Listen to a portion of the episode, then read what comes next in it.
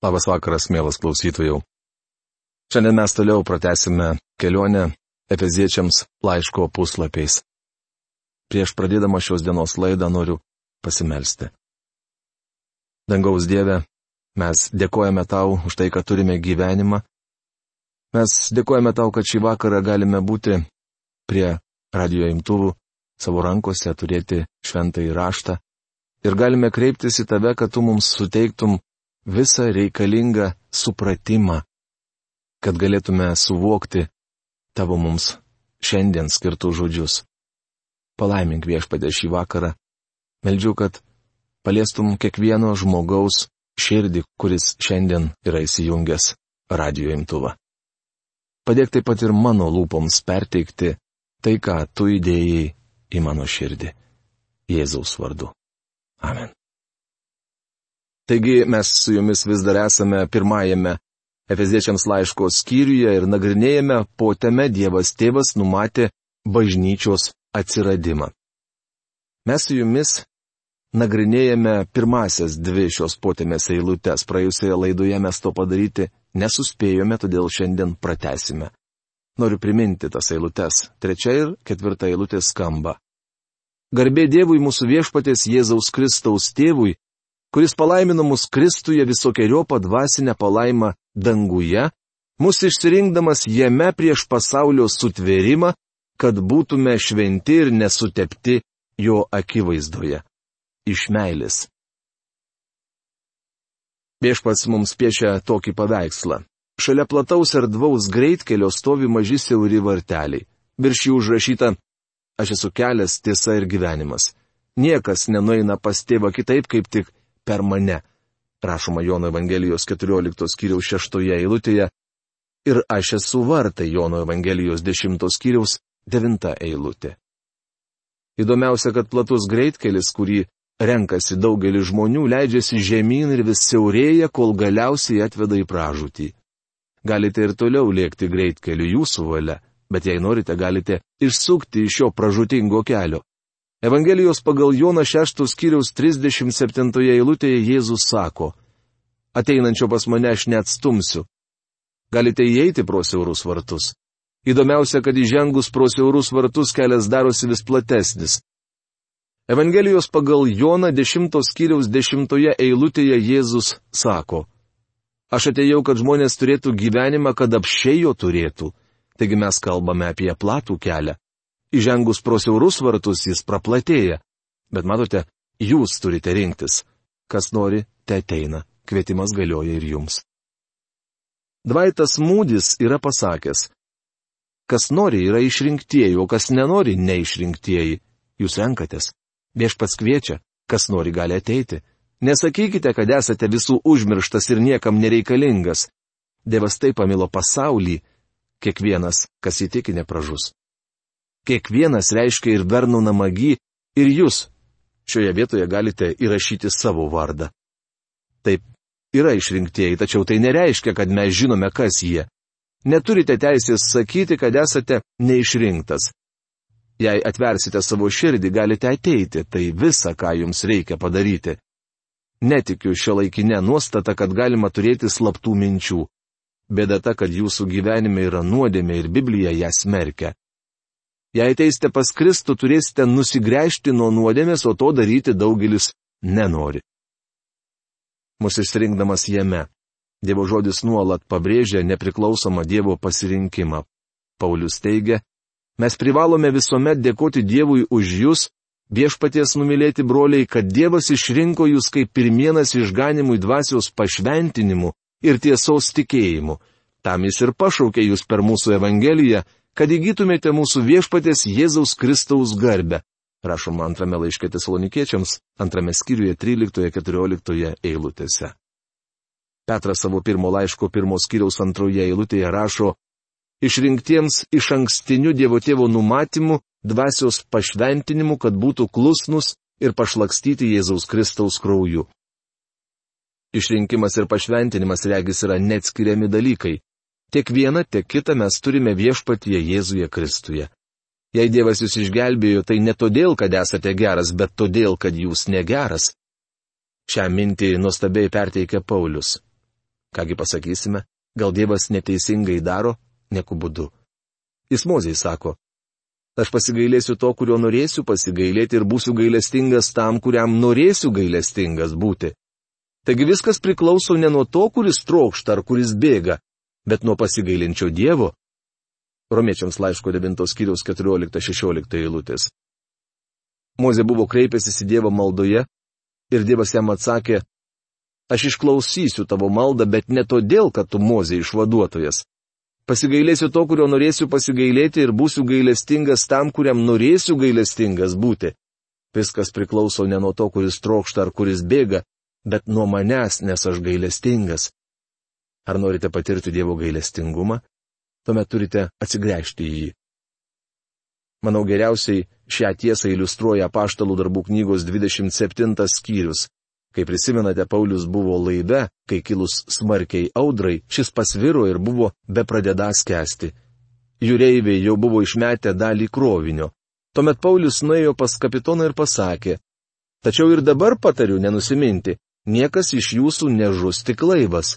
Šią naktį man apsireiškė angelas Dievo, kuriam aš priklausau ir tarnauju ir pranešė, Nebijok, Pauliau, tu privalai stoti prieš ciesorių, todėl Dievas tau dovanoja visus, kurie su tavimi plaukia. Apaštalų darbų knyga 27 skyrius 22-24 eilutės. Tai buvo iš ankstinis Dievo numatymas, išrinkimas.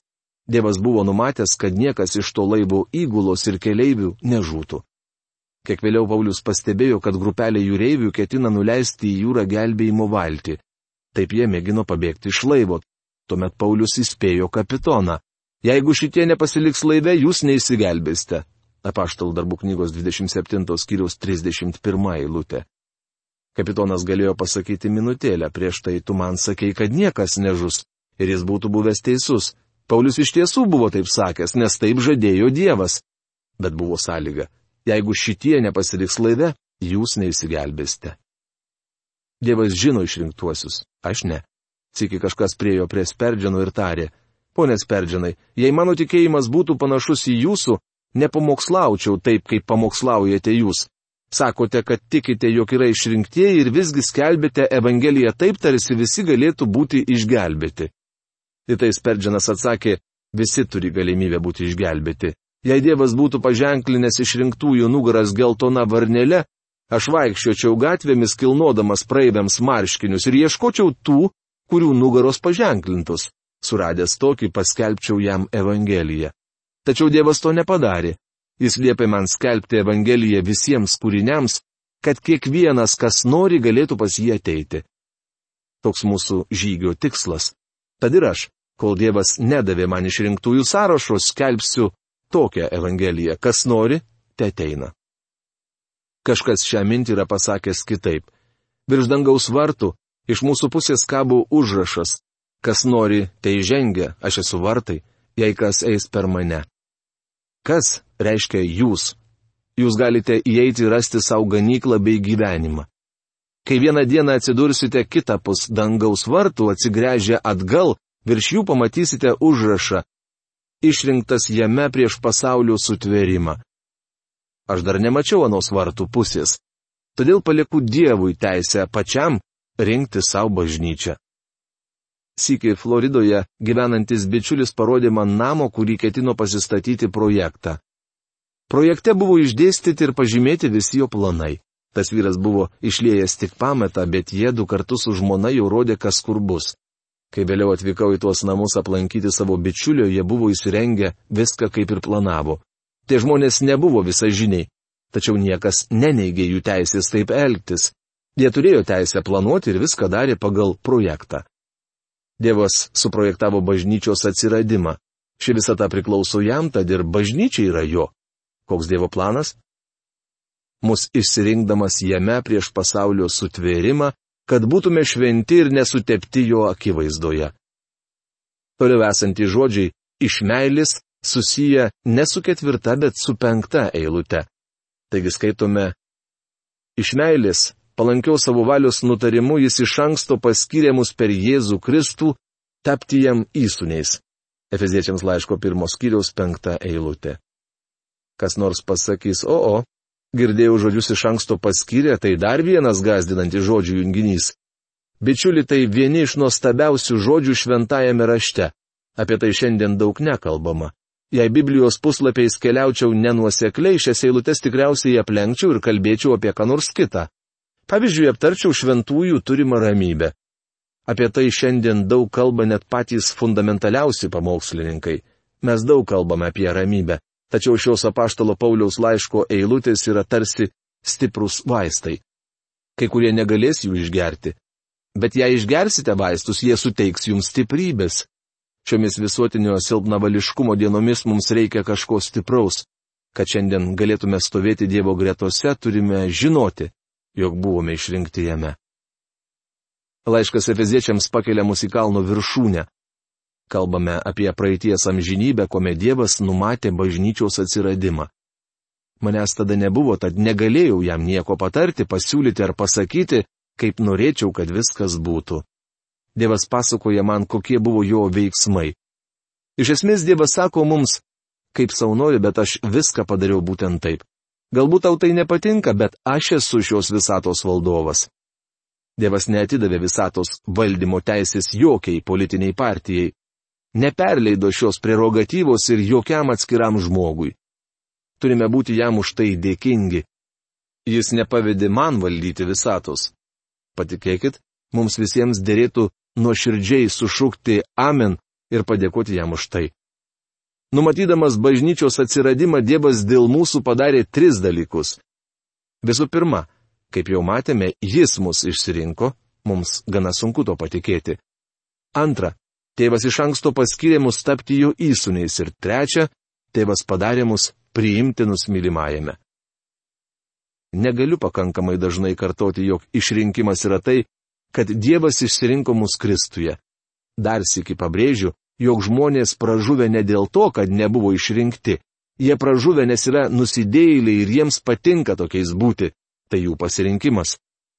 Dievo išrinkimas niekada nevaržo laisvo žmogaus valios. Pražuvus jis jis renkasi pats. Augustinas šią mintį išreiškė taip. Jei Dievas neteiktų laisva valia priimamos malonės, kaip jis galėtų išgelbėti pasaulį? Ir jei žmogus neturėtų laisvos valios, kaip Dievas galėtų teisti pasaulį? Čia vėl galima prisiminti Pauliaus žodžius užrašytus laiške romiečiams 9 skyriuje 14 eilutėje. Kągi pasakysime? Gal Dievas neteisingai daro? Nieku būdu. Jei manote, kad Dievas elgesi neteisingai, dar turite laiko persigalvoti. Stebėdamas šio laikinės evangelizacinės kampanijas, susidarau įspūdį, kad jų metu žmonės prašomi išeiti į priekį. Šis veiksmas taip sureikšminamas, tarsi būtų ko nors vertas. Leiskit pasakyti jums, kad Dievas išgelbsti mus ne dėl to, kad mes išeiname į priekį. Jis išgelbsti ir ne dėl to, kad esame geri berniukai ir mergaitės. Išgelbėti esame ne dėl to, kad prisijungime prie bažnyčios ar esame linkę grėžtis į Dievą. Dievas sako, jog mus išgelbsti dėl savo gailestingumo. Jis turėjo paaiškinti tai net moziai. Mozė galėjo ateiti pas viešpatį ir sakyti, klausyk, aš mozė, aš vedu Izraelio vaikus iš Egipto, esu labai svarbus, tau tikrai būtų sunku be manęs, todėl noriu, kad išklausytų mano maldą. Jei skaitėte šio vyro maldas, pastebėjote, kad Mozė niekuome taip nesimeldė. Dievas kalbėjo, aš pasigailėsiu to, kurio norėsiu pasigailėti ir būsiu gailestingas tam, kuriam norėsiu būti gailestingas. Dievas sakė Mozei, kad išklausys jo maldą, bet ne todėl, kad jis Mozė, o todėl, kad viskas priklauso ne nuo to, kuris trokšta ar kuris bėga, bet nuo pasigailinčio Dievo, kaip rašoma romiečiams laiško 9 skyrius 16 eilutėje. Bičiuli, vieną dieną aš būsiu danguje, bet ne todėl, kad Vernonas Magi yra geras vyras, anaip tol. Jūs nepažįstate manęs taip, kaip aš pažįstu save. Jei pažinotumėte, tu jau pat perjungtumėte kitą radijos stotį. Bet palaukit, neperjungkite stoties, nes jei aš pažinočiau jūs taip, kaip jūs pažįstate save, jums net nekalbėčiau. Tad nepraraskime ryšio. Mes sėdime toje pačioje valtyje, visi esame pražuvę nusidėjėliai. Aš būsiu danguje ne dėl to, kad esu pamokslininkas, ne dėl to, kad prisijungiau prie bažnyčios ir ne dėl to, kad buvau pakrikštytas. Beje, aš buvau apšlakstytas ir panardintas. Mano žmona priklausė pietų baptistų bažnyčiai ir visuomet puikavosi tuo, kad krikšto metu buvo panardinta. Aš erzinau ją sakydamas, kad bus juokinga, jei danguje sužinosime, kad iš tikrųjų mūsų viešpats turėjo omenyje pašlakstymą. Šaipiausi, kad dėl to jį pasirodys nepriimtina. Aš buvau pakrikštytas abiem būdais, todėl galėčiau būti saugus. Tačiau visa tai kvaila, nes ne vienas iš šių dalykų netveria žmogui kelio į dangų. Aš būsiu danguje tik dėl Dievo gailestingumo, esu pražuvęs nusidėjėlis. Mes su jumis nebūsime išgelbėti, kol neteisime pas Dievą pripažindami, jog esame niekas ir neleisime ją mūsų pakeisti. Geriausi sprendimai te bus nublokšti, siekiai kilniausi te bus nukryžiuoti, niekuomet negalvok, kad saugus jau esi, jei savo pražūties nebuvai dar suvokęs. Pražuvusiam nusidėjėliui Dievas pasirengęs parodyti savo gailestingumą. Tik nesakykite man, kad turite intelekto problemų, kliūčių, kurių negalite peržengti. Mano ir jūsų bėda ne ta, kad mes negalime patikėti pranašo Jonos ar Nojaus laivo istorijomis. Mūsų bėda ta, kad Biblija smerkia nuodėmę mūsų gyvenime. Dievas išgelbės jūs, kai jūsų širdis panorės grėžtis į jį. Jis viską patvarkė taip, kad vieną dieną galėtų mane su jumis atvesti į dangų. Patekę į dangų pamatysime, jog tai jo darbas. Penktoje eilutėje skaitome, ką dar Dievas padarė dėl mūsų. Iš meilės jis iš anksto paskyrė mus. Kai kurie pasakys, jog nieko met nemanė, kad meilė ir iš ankstinis paskirimas turi ką nors bendra. Tačiau, kaip matote, turi. Dievo meilė susijusi su šiuo žodžių junginiu, kuris daugeliu kelia šiurpą. Graikų kalbos žodis prorisos reiškia nustatyti, paženklinti, išskirti. Kai kalbam apie Dievą iš ankstinis paskirimas susijęs su jo tikslu tų, kuriuos jis išsirenka gyvenime.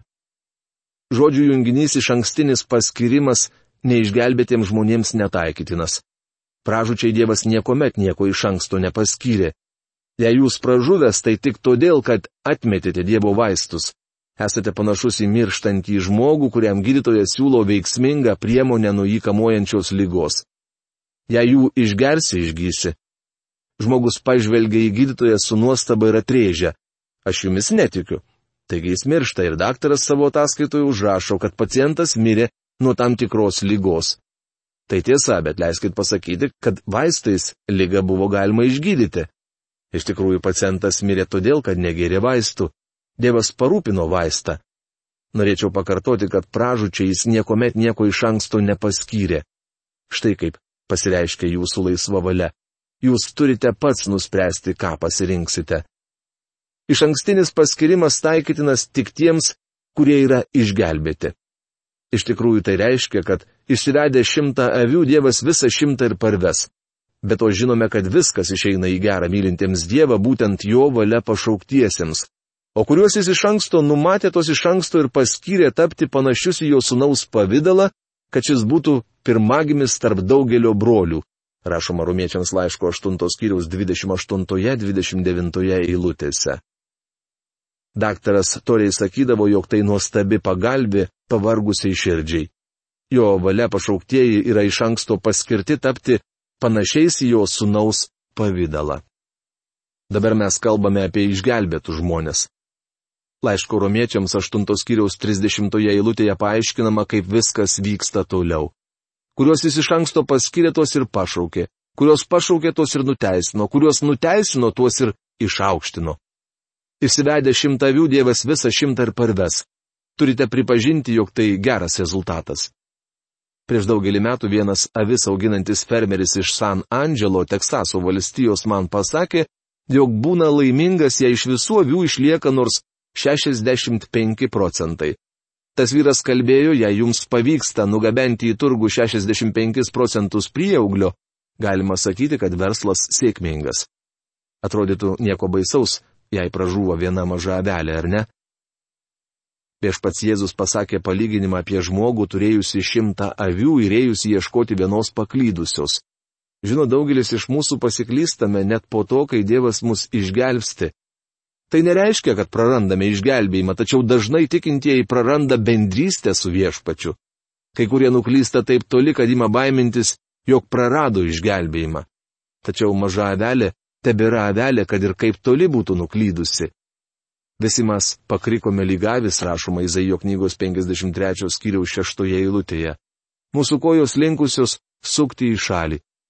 Mes nesiartiname prie Dievo, bet tolstame nuo Jo. Ką daro ganytojas? Jis eina ieškoti tos paklydusios avelės. Esu tikras, kad fermeris auginęs avis Teksase nesikeltų iš lovos ir neitų į šaltą tamsę ir vėjuotą naktį ieškoti vienos mažos avelės. Manau, jis sakytų, balla jos nematė.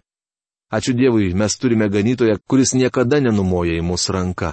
Jis sako, pradėjau su šimtu avių ir baigsiu turėdamas visą šimtą. Įsivaizduokite, kad jis skaičiuoja savo devyniasdešimt šešios, devyniasdešimt septynios, devyniasdešimt aštuonios, devyniasdešimt devynios, devyniasdešimt devynios, devyniasdešimt devynios. Kasgi atsitiko Vernonui magi? Na, praradom tik vieną, tad nieko baisaus. Šiaip ar taip daugelis taip mane, kad Vernonas magi nuklys kaip ta maža avelė. Ačiū Dievui, kad jis taip nesielgs. Jei viešpačiui skaičiuojant savo avis manęs, tarp jų nebus, jis eis ieškoti ir radęs parsinešant pečių. Štai ką reiškia iš ankstinis paskirimas. Man patinka šis žodis. Tai Dievo garantija.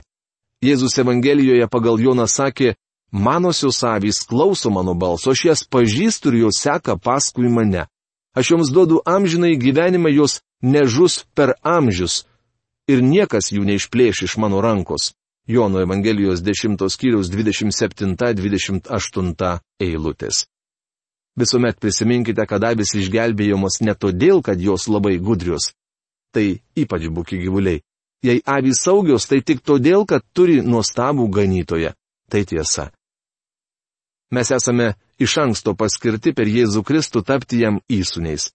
Įsūnystė reiškia tai, kad mums suteikiamas suaugusių sūnų statusas. Šią temą aptarėme studijuodami laišką Galatams. Įsūnystė apima du svarbius aspektus. Pirmiausia, tai reiškia atgimdymą. Mes esame atgimdomi Dievo dvasia. Dievo vaikas yra gimęs iš naujo, ne iš pranykstančios, bet iš nenykstančios sėklos gyvų ir pasiliekančių Dievo žodžių rašoma pirmame Petro laiške, pirmame skyriuje 23 eilutėje. Jis gimsta iš naujo į naują šeimą, štai ką turėjo omenyje viešpats Jėzus, kuomet sakė Nikodemui, jog šiam būtina gimti iš naujo. Dar įsunystė reiškia padėtį ir privilegiją. Kai Dievas mus išgelbsti, mes gimstame jo šeimą kaip kūdikis Kristuje bet kartu mums suteikiamas suaugusio sunaus statusas. Mes galime suprasti tėvo žodį, nes jis davė mums šventąją dvasę, kur yra mūsų mokytojas.